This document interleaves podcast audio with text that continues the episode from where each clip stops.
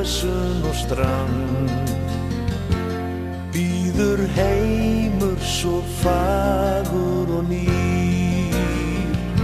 Sigur stund, sæl og blír Er við syklum að strandinu þar. Sælu stund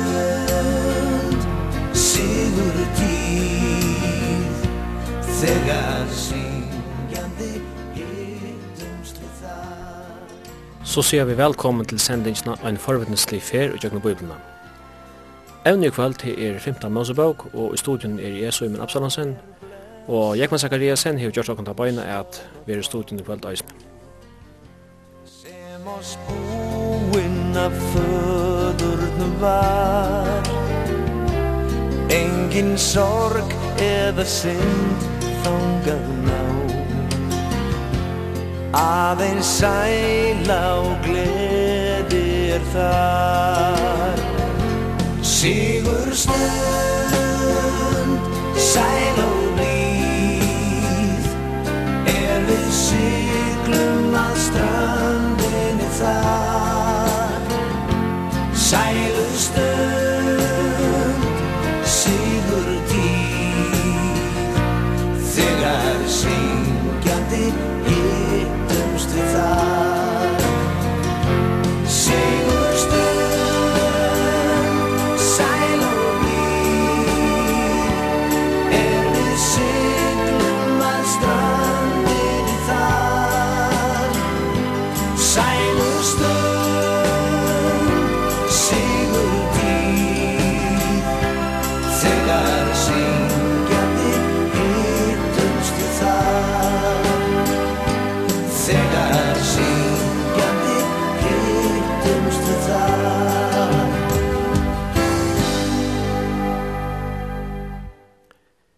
Vi er nu kommet til femte Mosebok, som er den senaste av Mosebokene.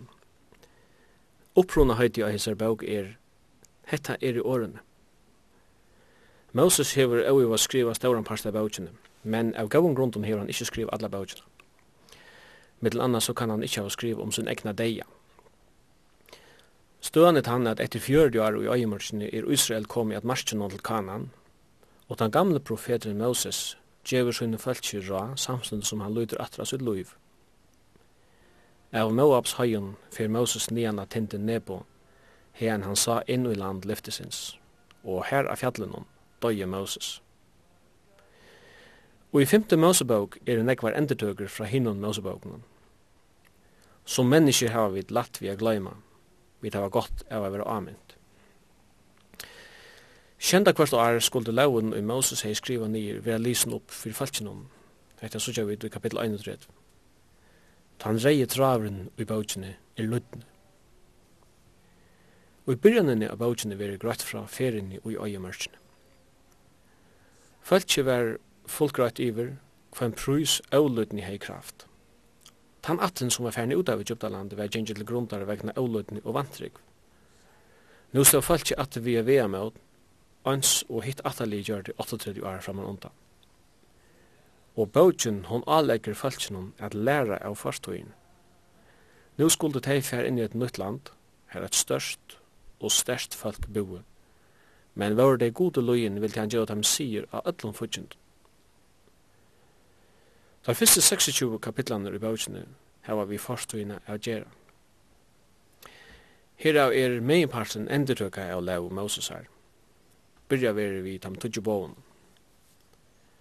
Fra kapittel 26 til 31 vi tås om framtøyna. Her veri bæg sikningen og banne nevnt.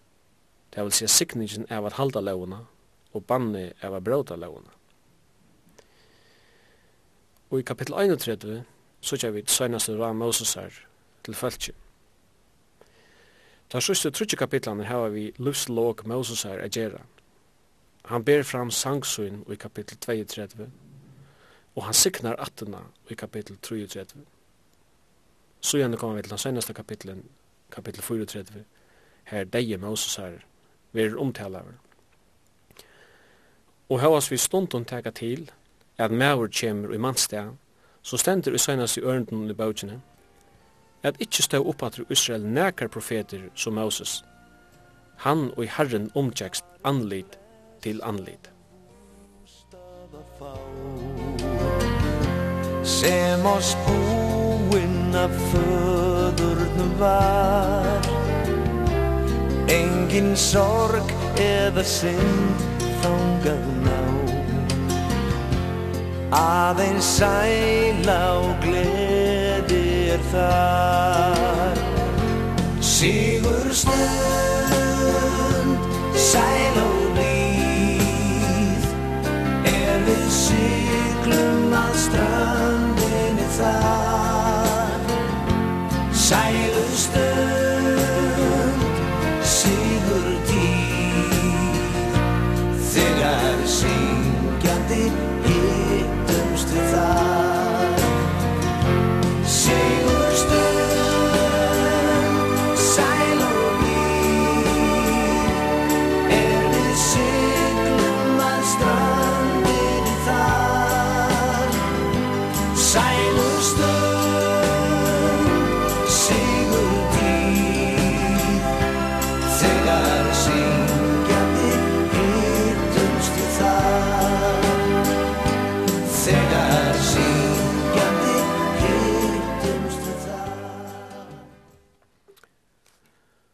studion i kvöld har vi Atter Jekvann Zakariasen og Einar Frenn, velkommen. Ja, takk for det. Jekvan 15 Mosbøk, her er nek lov. Hva vil du si hvis du skal gjøre en stolt løsning av bøkken? Ja, jeg vil godt kanskje begynne ved at gjøre en stolt løsning av ødlom fem Mosbøkken, Einar Frenn, at etter at du kommer til sørste. Og i første Mosbøk er jo god utvalgsere folk som man elskar. Vi er i Mosbøk er han bjerg dem ut ur utrykk ur Egyptaland. Og i tre Mosebok halkar godhet til sin sjálvan. Og i fjore Mosebok har han lett hei tjøkken øyemørsna, og her han hei varst hei. Lyga inntil nu vi kommer til femte Mosebok, hver fölkje kommer til Moabs hedjar, estanfyr Jordananna, og er nu klara færa inn i landet. Og jeg hadde her i femte Mosebok, som du langt jo sagt, um, innskir Moses så innelige, at greia falskene fra hver god er. Han minner deg av hvordan han hever leit deg, og han minner deg av hvert god innskjer av falskesynene. Og jeg hadde ekkert området har vi hitje etter 5. Mosebok at eh, loven var endegiven herbeint. Jeg tror at det er ikke samme generasjonen som får ut ur landet og som fikk loven av første fyr, som nu stendur framan for Moses, at det er bøtten der, andre generasjonen. Og vi låse i sørste vike, og i fjore Mosebok, at folket var tykta og god at fyri at de hadde sluga vantrygg. Og i, i fjørstende kapittel i fjore Mosebok, her knarra folket, og sier Moses og Aaron, hadde vi bare støy i Egyptaland, eller her i øyemørsene, å, hadde vi bare støy Og god sier settene i tre kapitlen at de skulle få det her som tid bi om. 8. vers sier Så satt som er livet, sier Herren, Ta og jeg hørte at hit yngste tikkum, sier han til deia, som det yngst ser, Ta skulle de få. Her i øyemarsene skulle deia kroppartikkara fatla, atle tid og i taldre våru, som mennesker som tid er, eh, fra 20 år aldri opp etter tid og hava knarra i måte mer. Da vi kom inn i første kapittel i 5. Mosebok, i fjorda verset, eh, nei, tria vers, leser vi at det var 14 år. Så her er vi 38 år settende ved tøyene. En annen generasjon, eh, vi færer fra en gamle generasjon til en nødvendig generasjon, vi færer fra en gamle bostad inn i en nødvendig bostad nå. Og vi færer eisen fra en gamle leier, til en nødjan leier som skal leie folk ut. Til 15 måneder. Du nevner at loven vil lysen opp hatt i et land, endertisene. Man ser også at uh, god gjør nødjan sottmann av i folk, og i 15 måneder. Man kan kanskje si at det er uh, den samme sottmannen, men til et nytt, nytt folk. Ja, det er, uh, altså, sottmannen vil endertisen, og uh, Moses minne falt jo alt her som god eh, er fyrsten tog av gjør det vi uskjøs folk og satt sattmalan som han gjørt og nå akkur som enda nutjar satt sattmalan og nå byrjar vi atra nutjar nå er du kommet nesten i land Det er liksom det som det som god gjør vi Sinai det var konfirmera enn det er Ja. Ja. Er det nok særlig likla år i 15 Mosebøk? Ja, jeg halte at uh, to langt nevnt eit, det var lutene. Jeg held anna år som vi suttet atter og atter til året minnist. Minnist. Vi suttet det nekkur senere, til dømes i 5. kapittel vers 15, 11. kapittel vers 2. Her sier Moses i Øsjøs folk minnest. Og vi suttet det alle veien tjøkken. Eit anna likla år, eller likla setningur aldri som suttet i 5. Mosebok er i snir. Jeg er i Herren godtøyn som lette til ur Egyptaland. Akkurat som allan vegin tjøkken bøysene og sier han, minst til, er var han som bjarga er der, er han som første her til Hisentors kommer nu. Det er akkurat som teipa som jeg kom i hukk som tar vi ta som likla år og likla vers. Kanskje eit annet som vi kan lesa opp er i 8. kapitlet. Eit av likla versene som jeg halde er i 5. mausbok. 8. kapittel og det er 14. vers at hjärsta tøyt ta ikkje ver hukma ut, så du gløymer herran godtøyn som lette deg ut av Egyptaland ur træla husen. Og akkurat minner deg at tid var og træler. Gjeres ikkje hukma ut nu til dere sett fru, så at de gløymer meg. Men minst til at jeg er et han som lette deg ut. Det er akkur som likla år og vers. Hva kan man lære av slukka vers? Ja, vi kan lære ekla nekka av det halde jeg sjálfur. For meg sjálfur må jeg si at, at minnas hvordan Herren hever bjarga mer. At jeg, jeg blir her om at jeg må ångande gløyma at han hever frelst meg ur tseldom og syndarinnar som er tæt særlig hos som öll mennesker som er født inn i hendan heim er ui. Og Kristus døye fyrir öll mennesker, fyrir alla lortarna som høyre okkur kvöld. Kristus døye fyrir det. Og han ønsker at vi kom inn i personlig samfunn vi Kristus. Og jeg prøysene fyrir til at han gav mer nøye som ikke er oppenbord jeg gjør spaten hans her. Jeg vann, sier vi selv, minst, minst hva det var bjørgar ur, minst hva Herren har lett i det, og hvordan han leier det, og at Herren har en underfull atlan, bare i fri hesen livet men mest av atlan innen kommand, er vi sammen med Kristus. Vi heldig det er så omøyelig området for meg minnast i løymen. Det er skrifter som vi da har brukt øyne i som sending om, det er eh, her Herren sier vi, da skriftlærer det, at de rannsaker skriftene her. Det er det var løyvet dem, men det tal om meg, så skriftene her tås om Jesus selv. Ja. Og um, vi sier sånn at, at så ikke Kristus og hver er så i Bibelen. Ja. Hvis vi, hvis vi nå uh, tar disse minnene og, og anvender dem på femte målspøk, ja. Yeah Hver sutja vid Jesus i femte Mosebok? Ja, vi sutja han nekva senere. Men det er et avsted som jeg hugsa meg at a peiko og avtøy at det er sipa til det steg at det er nudja testament. Og det er i 18. kapitlet. Moses talar her om profetar og imiskar lower vi vision profeten men men til eitt vers i 18. kapittel som er som er særstakt og til 15. vers som sier Herren godtøyn skal leta profet, en avvisan profet, som med støye opp i mitteltikkare, en av brøren tøynen, han skulle til høyra. Og vi vet at det at Moses var en profeter, vi vet at det at nekver profeter kom etter at Moses var færen, men i halde at her sier bare beinleis til Kristus, Og det er ikke bare til at jeg halte, men til at vi grunnet det av Nudja Testament. Og til tvei skrifstu i Nudja Testament hver vi kunne grunnet det av, og bægi er i apostasøvn. Ta fyrre er ta i Peter talar at han, han hever vi kraft Jesus er grøtt, den lamna mannen. Så sier han i 22. ørende, og han siterer her, 5. Mosebok og Adjan, og vers 15. Moses har jo sagt, profet, ein som med skal Herren god tykkara, reisa tykkara upp av brøren tykkara. Han skulle høyre i ødlun som han tala til tykkara. Og så skal vera hver sal som høyrer ikkje tan profet, skal vera ødder falskjene. Og så leser han vågjere, 25. vers. Tid er sine profetene og sine sattmalans, og god gjør du vi fedre okkara ta han sier vi Abraham og i elkom til skulle allar atter gjerne sikna signar. Så er det 16. vers. Til tikkare sender god tænara suin. Ta han rastjan opp fra hinn deio. A signa tikkun. Ta i ein og kvar tikkare vende vi fra ilverskun suin. Så her sier bare Peter til det. Stefanus i verger og suin, og i kjenda kapitlet sier bare eisne til dette her.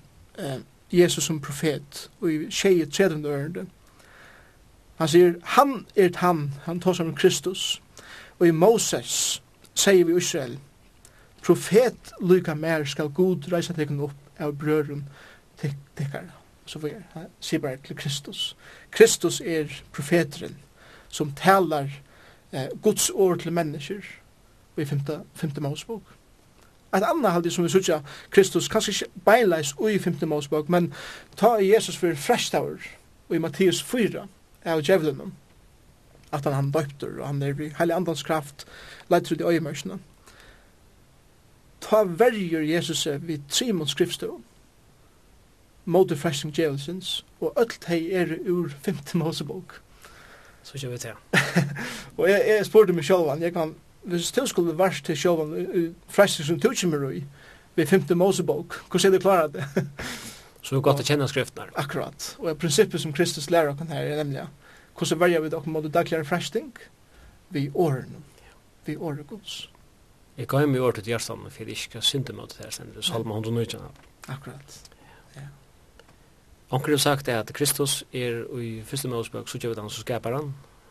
Og i ære Mosebok som apostelen, altså han som var sender ut mm. til fältet. Och i tredje Mosebok som huvudprästeren og i fjörde Mosebok som hiren, og i femte Mosebok profeteren. Ja. Vi får snakka om lovna om en löd, men jeg hade vi tagit det her først. Ja. Margur salur er i huset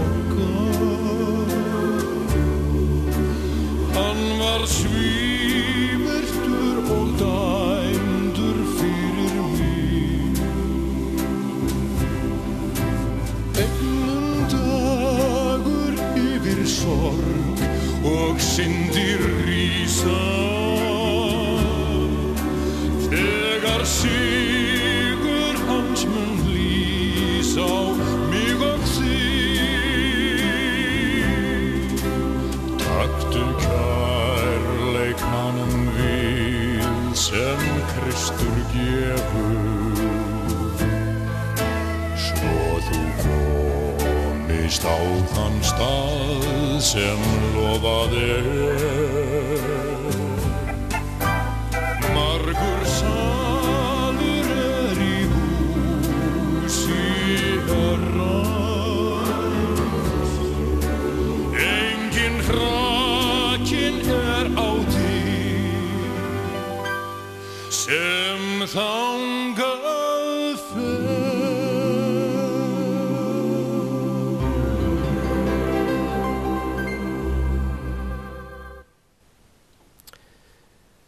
Ja, vi er etter her i studien og vi tar oss om femte Mosebok.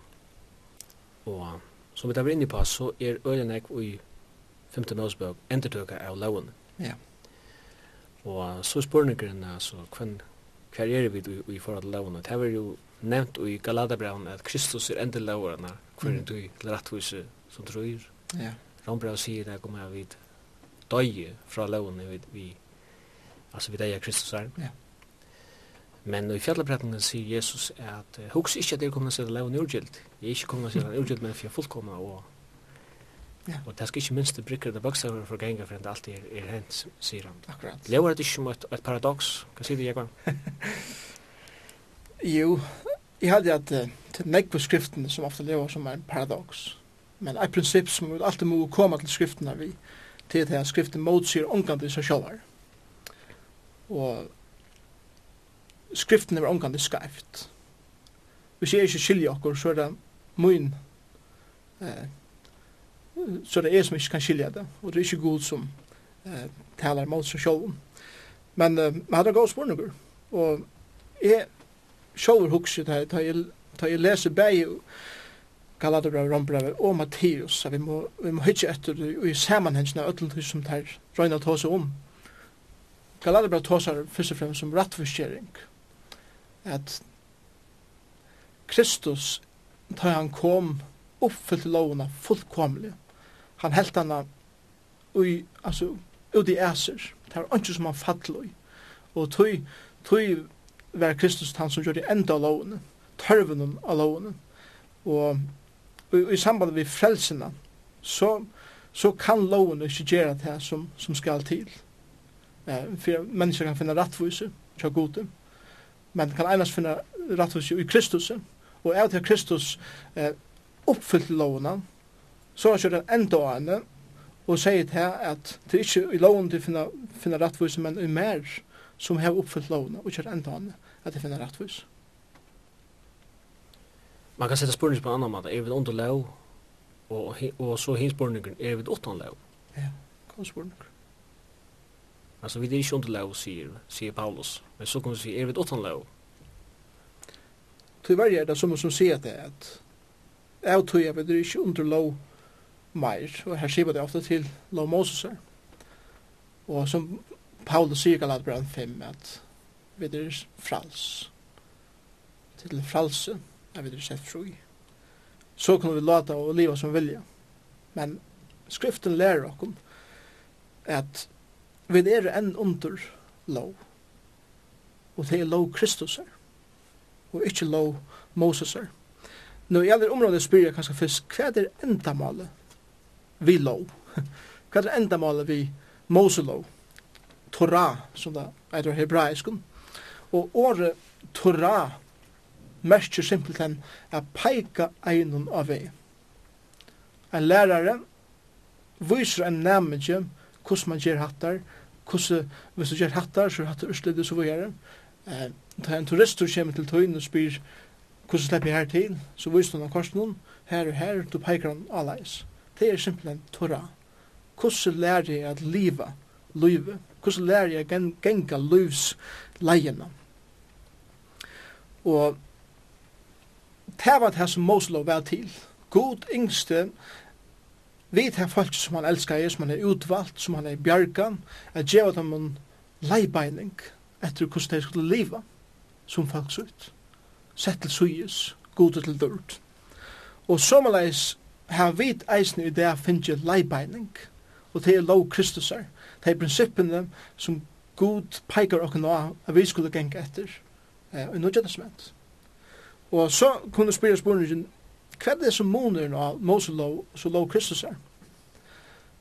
Jeg heldur området at, at skilja til at Moselov tar vi sier lov og nøye Moselov er eisen grunda av nøye somleis som lov Kristus er i grunda av nøye og la, la, la meg vise det til helt stort og i ære Mosebok 20. kapitlet byrjar eh, god at djeva usja lovna og her har vi sånn det tutsi bøyene og så fyrir vi er etna til. Men i en kapitlet, og i Ære Mosebok, leser vi dette her, Herren sier Moses, tid hava sett her, og jeg gjør det vi Egyptar, og hvordan jeg bær tikkun av arna vantjon, og leidde tikkun til moin, akte tøyne rødt moin. Og det, det som god sier her er, alt hetta hava jeg gjørst fire til Israel. Av nøye mine har vi bjergat her ut av Egyptaland. Tøy innskje at tid gengas med loven som jeg har givet til kunden. Et eller annet usse som jeg har kunnet sagt da, god til vi gjørst så nek fyrir meg. Og jeg tøy innskje at oppfylla til lovene som han har givet okken. Og det samme er vi evangeliene det. Til eisen grunn av nøye. Kristus kom til gjerrar, god, gjørdes menneska, døye for synder menneskans, Og han sier vi okkur i det, som er tryggvande, hette har vi gjørst fyrir til. Men her gjør vi det noen prinsipper du skal liva etter. Og det er ikke så leis at hvis du ikke gjør det, så er det så og så. Men heldur venda det til å sier, jeg tog at jeg har gjort det her fyrir til. Jeg elskar det, jeg visar nøye. Tog innskje at du gjør det her fyrir meg. Og det som det sier vi med er, Kristus er døy fyrir meg, er innskje at liva etter dem lov som Kristus er giver meg det som man, man kan se det samma som att uh, grundtonen i Love Kristus här det er kärlek. Kärleken är. Jesus säger till er att att um, att att att det dubbla kärleksbarnen kvilla eh loven och och profeten allt allt kvillar att ja. Akkurat. Och um, onkel har sagt här att att uh, vi vill älska Herren god och av alla hjärta och hoa sal och sinne. Ja. Och så framvis så kommer han oppleva det som Johannes sier i sin brev, at bo hans er ikke tungt. Mm. Det er verre at, at akta av en som man ikke går i, hvis man kan sørge det fra tog vinkling. Det er akkurat. Jeg kommer også om noen, noen løsninger som Paulus bruker om launa. Han ja. sier uh, om boje at det er rattvist, han sier om boje at det er høylagt, og det boje er godt. Det er, tror jeg, positive år han sier om launa. Ja. Så sier han en ærestene, jeg hadde rombrev 8, at loven er måttleis. Mm. Nu har du et øyla negativt uttrykk. Ja. Og hatta kan, kan virka nok så forvirrande på akkurat ofta, at han og på en måte rosa lovene og, og, og lastar hana eh, og, og i ørlei. Men eh, vi kunne bruka myndina hvis vi tok så kunne en laknildøm som stender i fjern sjuklinja, ja. han, eh, han diagnoserar først Arna Vidger. Mm Og man kan på en måte si at loven og stiller en diagnos at vi er skoj i for gode, eller at vi er ikke, ikke rett om samband med god. Men uh, loven er måttløst at det kommer til terapi, ja. eller vitcher. Akkurat. Vi kunne sammen, vi kunne bruka mynden og østene hvis en, en, en timpermer eller handverskar stendig ved en vadepass i fjern vetje, og han kan si at hesen vekkeren er skøyver. Mm. Det er altså vadepass er rett ja. og godt og alt det der, men det er måttleist. Så det er ikke just nekka vi vet. Akkurat.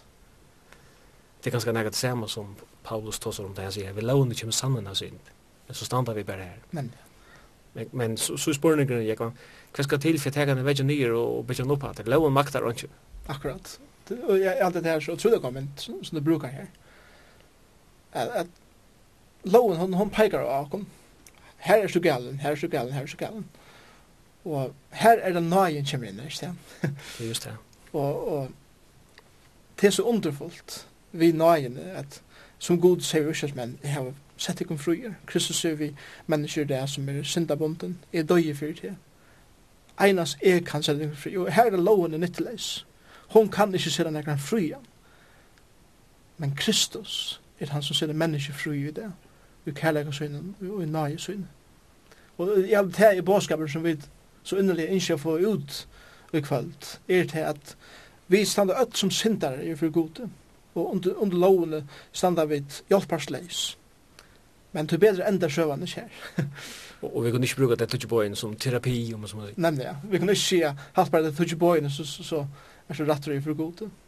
Nei, vi kunne si at vent her til Kristus, og han er kærlega synden, som oppfyllte tutsjebøyen, at som det var, er fullkomna rattviser, kan djeva til rattvise, så du kan standa rattvise for god tid det. Og hetta er til kvannføring som høyre okkom eh, her i kvöld. Jeg kan loven, hon er uh, bytt opp i, i imiska parter, man, man, man tås over kvart om moralska lover. Ja. Og her er alltid vi kan folk som nevna det tog bøyne om om uh, stjala og druge hår og ikke slå hel og kvart og sånn. Ja. Så her har vi den som som man, man kallar ceremoniregler ja. och i det gamla testamentet som ösnen omtalar 5. Mosebok och så är ösnen juridiska regler. Ja. Hvis vi nu ja, hvis vi nu ser som så vi vi lever i ögnetjund i allt vad ska vi bruka det till? ja. Alltså Jeg har sjølver da jeg hukse om han har spurningen her. Er alle disse kapitlene, begge i ære målsbok, og så er det tredje målsbok, og så er det femte målsbok, altså er det relevant for åkne det. Og svære som jeg må gjøre i det, tog at Torah er nemlig a peika innom Allah, hvordan jeg skal leva. Og jeg hadde at til fyra prinsipper som jeg pleier å fylla. Det første prinsippet er at det er onkrar lover, er best fyrir Ísraelsmenn og ikkje fyrir okkene det. Og her hugsi om imiskar ceremonier, eller kultiskar eh, lover som var hildnar, til dømes vi offringunum og alt dette er imiska. Det tørvar okkon ikkje a gjerra i det, ja, det er Kristus oppfyllt det. Jeg hugsi eisen om imiskar rensaner, som, som vi er tala negfum, ta i mever og kone hava li saman, så var det imiska ceremonier for det skulle rensast. Hvis kona hei manasjuke, så skulle hon eh, rensast, og så var det, hvis det var imist, imist tål som man skulle eta vi, eh, vi var en reingjering av mæti og sånne, så, så var det imist som uskjøsfall skulle fylltja etter. Så det er bare, det er bare for deg. Men det neste prinsipp som jeg spyrir så er, hva er så det underleggjande eller liggande prinsippet av tøy, av sin offren, av sin eh, rensanen og så videre. Og her halte jeg vi kan lære utrolig nek av teimen sermonske og eisen teimen juridiske loven og i det. Til dem så sier Mosebok 9.2 sier god at er i heilavur og tusil tid eisen var heil sier vi Israels folk. Men prinsippet i 18 her er til at Guds folk i det er eisen folk som settel til suyes Vi er eisen av er heile. Vi er av rein i hoksnarhatte og i atfer og i tale. Altså god er reiner. Eh, vi kunne lære av um, til dømes ætlens sien som høyde vi vil kjenne reinkjering ved det. Eh, til dømes bakterier kjente det ikke til. Og tog hjalp det god om vi at hvis du gjør det her, så blir det sjuk. Og vi kunne lære i det av at jeg vil være regnlig. Vi er være regnlig mennesker. Vi kunne lære nekv om familieliv. Jeg skal lover som er region lover og men vi kunne lære nekv av det. Um, og eisne juridiska lover. Det er nekv vi kunne lære. Så det er det andre prinsippet. Det tredje prinsippet er samanber bo og seremonier ur Moselov vi til kristna løyve og i det hvordan kunne samarbeide på imiska? Og hvis vi bare hadde gamle testament, nei, nødja testament, og ikke gamle testament, så hadde vi ikke skilt helten av nødja testament i det. Jeg tror at gamle testament er grundarleg for å skilja det som Jesus og eisne hinne skriverne uh, skriva og tåsa om i nødja testament. Til dømes, uh, det står av bådoffre, bådoffre i 3 målsbok 16, eh, til det var rensa fra synd. Hvis vi vil til skilja hva det var som Kristus gjør det av krossen om, så gjerst det alt rykere, ta vi, ta vi skilja berggrunnene fra gamla testament. Og alle disse offergavene som var borna fram, ta Paulus sier, offra likantøyt til god, som han heilagt, domlet offer, ta vi skilja det gamla testamentlige, altså i berggrunnene, så gjerst det så utrolig nek rykere. Og så for det fjorda, er til at avvisa lover er beinleis skaldan i det, fyrir öll, alla sannar, og til alla tøyer. Du skal ikke drepa hver du så og hver du så erst, eller nær som helst til livet. Du skal ikke stjala, du skal ikke drema, du skal ikke ha ære godar enn meg, og så videre. Hatt er prinsipp som vi eier livet etter ved det. Nå, for jeg lykker nevna lov Moses og lov Kristus er enn fremst. Det er til at lov Kristus er ikke lov Moses er men vi hava prinsipper ur lov Mosesar og i lov Kristusar i nudgetningsment. Vi hava nudge av dem tudje boven, og i lov Kristusar i nudgetningsment. Vi hava ikkje sabbatsboi. Eh, men her at måte eivet at kvila fyrsta dagen i vikene og, og, og halda han heila igjen og så videre. Så jeg vil sagt her, bare for å tenke sammen om her, er det at lov Kristus her halde hjem, setter et hakre krav til tryggvande mennesker det, enn lov Moses har gjort. Akkurat som nødvendig som stramma det enda mer opp a liva Kristus i lukk. Fjallabrættinga til dømes. Til dømes. Herra Jesus sier at, at du måste ikke slå i hel, og, og han skjerper det sånn at han sier at han som hætar, han, han har bråtet det her bøye. Akkurat. Ja. Vi får ta oss synder om, om synd, altså lovar brot er synd, og mm. loven har også nægget som man kallar for refserammer og for fylgjer synden never, altså. Mm. Derfor er det også man løter, jeg vi takker et lærfest. Musikk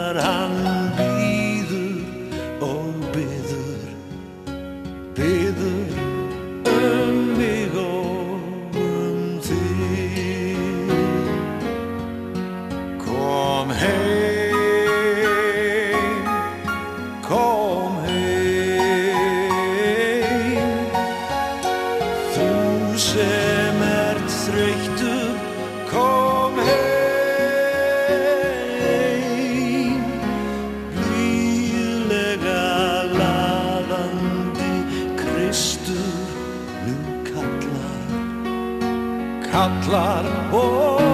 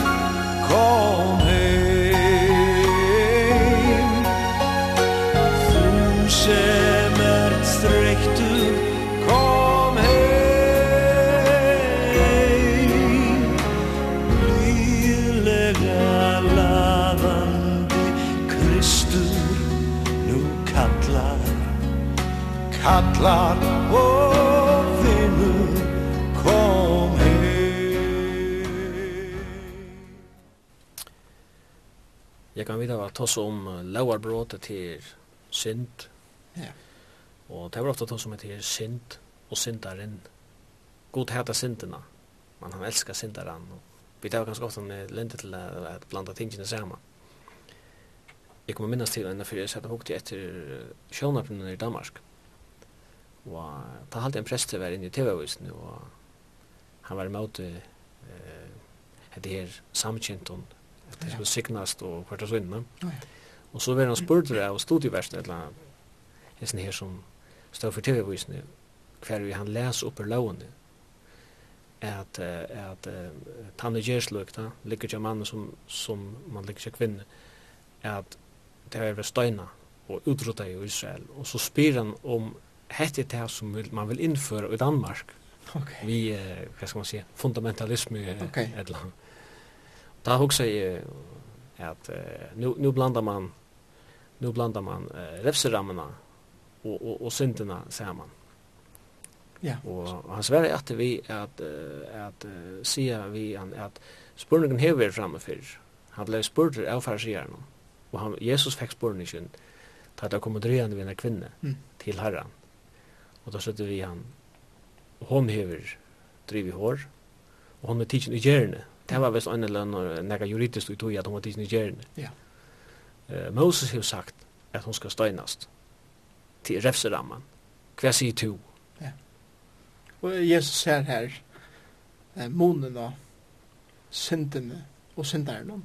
Ja. ja. Det så henne ikke. Nei, det så henne var så henne var så bevuster på hva loven kravte og at rausen skulle færa til at her så ikke annet og her er det så fantastisk at Jesus kommer, og han, og han, og nek andre, nek andre dømer reisende, hver, hver Jesus sier, at loven sier, men jeg sier, og han, da han så seg kvinna, da så han, han vi nøye egen, og ikke vi, de egen som farsierne, vi sunnet hætre trykk vi, vi måtes kvinnene så.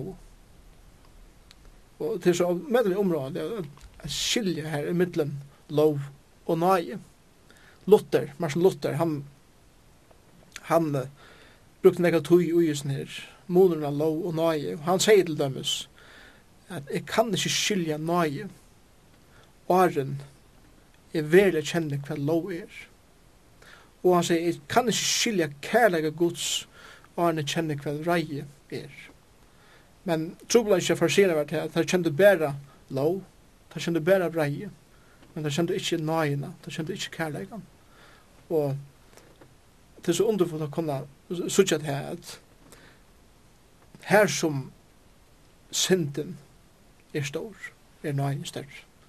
Og det lærer vi det Jesus gjør. Han sier vitt og rettere at han er tikkum som er åttan synd, altså åttan lovbrot. Ja. Han kan sleppa tega den første støynen opp. ja. Og så fæders det. Ja tar eldste fyrst, og han var ensam at etter ved kvinnene. Og så sier han, heller ikke er døme til. Det vil si, man kan, man kan si som så at Jesus hever tid ikke refse, refse rammene, da han ble gjort til sinte for jokken. Ja. Men så vender han seg til henne og sier færre sted, og sinte ikke langer. Ja. Stadvek er lovbrot, lovbrot. Ja. Så man kan si at her, her er en fin balanse mellom lov og nei. Han, han gjør ikke lovna til åndsjøs. Nei, det kjenner ikke, nei. nei. Man kan si at det er miskon som stod i gjør opp med daumen. Akkurat. Det var nek omtala i endan av bøkjene, hetta vi bann og sikning. Altså sikning av halda launa og bann av at uh, av bråda launa. Og, og i halda bann launa er vi nevnt, vi kan lada bra. Ja. At du fall av, av Jesus. Akkurat. Hva er mest til at, at etter skot og at elska god og samstånds og etter skot. Ja. Tjejtjund i 8. kapittel og i 5. målsbok er det utrolig områdende fire resten av gamla testament. Det er her sier god og i tjejtjund kapittel dømmes at om det ikke fylgja mer og fylgja lovmøynen, så vil det banna i, og han, han nevner alla vegin kapittel, kapitlet, hvordan det var banna i. Åtsunne kapittel for han sa, ta som, men om tid fylgja mer, om tid fylgja lov om så skal jeg signa tikkum, og her gjør han eisne liste over signingar. Og vi sørger det søvelige demonstrera resten av søvene til Israel, at har de vende seg bortsett fra lov herrans, så kommer disse domene over deg som god gav dem her i 5. Mosebok 22. Ta det fylltes vi herren, ta kom til signingar som, som han gav dem her i 8. kapitlet. Så det er akkurat sånn stendur allan vegin i jøknen. til er til er det her at at elska god og øttast god for jeg tenker inn til okkara det er og det. Kærleik og øtte må være saman. Kunne ikke skilja sundur i samfunnet okkara vi god. Kærleik utan øtte verir ein iverflatiskur huksnarotter og ein, ein lyka sæla i livet i som alls ikke gjør seg eh, til at være god til løyen, etter av liklåren i 5. månsbok. Men hvis vi vender det vi, og vi tar åtta åttan kærleika, det leier til eh, rasslo, det fører mennesker bort fra en innelig og eh, samfleie vi god, men åtta og kærleika må være saman. Ta kommer vi inn i et ratt, innalitt og sunt samfunn vi god. Åtta Da vi snakker om øtta, da er det ikke det å være bensin for nøkron. Men det er det er, det at ikke gjøre et så godt som vi kan. Og anker har brukt eh, myndene om, om å tjona det. Det var et par som, som giftest, og så fyrsta døvra med var arbeids, fyrsta stagen som skulle være ånden. Og kona var heima, og han rønte at gjøre stagen så gåa som hun kunde. Og så, når det er sett, så spyr, spyr en, en, en maver, så kom jeg, og så sjekk vi at det var første døren til mannen kjøy der, eller første streisene. Og han sier, jo, jo, altså, jeg var bensje for at han kom for tullig heim, og jeg var eisen bensje for at kanskje streisene var ikke eh, krydra nok, og jeg var bensje for at han får kanskje ikke damene. Og så bryr han av og sier, du har sagt trutja for at du var bensje for Og så var så bensje for at han får boka det da han kom heim eller kvart. Og han sier bare, nei, du vet hva du mener. Og til akkurat her, at ikke gjerne kan så godt som vi kan fyrir han som jeg elsker. Og til akkur her, at vi lærer at skilja hvor god er. At vi bæra fylgjene av at vi er god i åløyen, men vi er eisen sikna i av at fylgjene vi honom. Og her er det at de skilja kærleikan, men samtidig har vi så veldig respektna for gode. Ja, det gjør okkur at ekkert godt balansera eh, samfunnet vi god og til det som Øsers folk til tøyer lærte, men til ære tøyer ikke lærte. Man kan se til det måneder mellom god, gods øtta og gods rassle. Nemlig, ja, ja, akkurat. Anker uh, har sagt at uh, eisne måneder mellom gods øtta og menneskeøtta. Ja. At det smeira menneskeøtta du hever. Det smeira gods øtta hever. Men det smeira gods øtta du hever. Det smeira menneskeøtta hever. Vi var inne på Jani at loven ble lysen opp kjent hvert år. Ja. Og det har sagt, det har sagt nek i Bibelen om opplest. Paulus sier vi er ugen under opplester noen, og mm. sæler er han og leser. Ja. Stender jo i åpenberingen, men man kan ikke fyrhalda seg til det som man angar kunnskap hever om. Akkurat. Eh, vi leser i, i, ja, i grunnkabausen og kongabøysen om en kong som er Josias og han ble konger han var en god konger og efter så god og tok offer hade han bort Jeg halte han var åtta år han ble konger men eh undan konger men eller tar som det var sån undan hon da hadde ikke vært några særlig god konger for som Manasse eller eller amman Nei. men ta och Josias hej hei vir konger i så som jeg var, og hei tant gode, og hei rönsa landi, og så så fratt som han kunde rönt han att detta skot yeah. och göra det som rätt var. Men ta funnit att löpa upp Moses här mm. och i templen. Yeah. Och så får där och lösa för kongen hon kan stå i löpa hos nu. Yeah. Och ta fick han en chock kongen. Vad kan han ha så chock? Skriften är alltså till parametrar til det som vi kunne genge ut fra. Og Ørsjøsfolk er jo ikke hatt å genge ut fra i sånne var knapplig å finne der lovene. Og tar sutja den standard som loven krav til, tar sjå til at vi er lengt, lengt, lengt under til standarden. Og, og til det som vi kan lære det er, om vi ikke leser skriften her, om vi ikke er avhaltende i åregods som bøtengods, så har vi ikke grunnarlig å bytja. Men er vi avhaltende i skriften, høyre vi åregods, som man ikke sier i 5. kapittel i 5. Mosebok, høyre Israel lovene og bøyene, og vi kunngjør tekkene det lære teg og akti etter teimen, hva er det, så at tid halta teg. Og hatt er det samme for åkne det. Vi leser visst nok om Ezekias aldri som er minns mig rätt länge av Josias att han sände levitar runt i ödlen Juda och även i Israel att, att, ja. att, att färre in i byn och läsa ur loven. ja.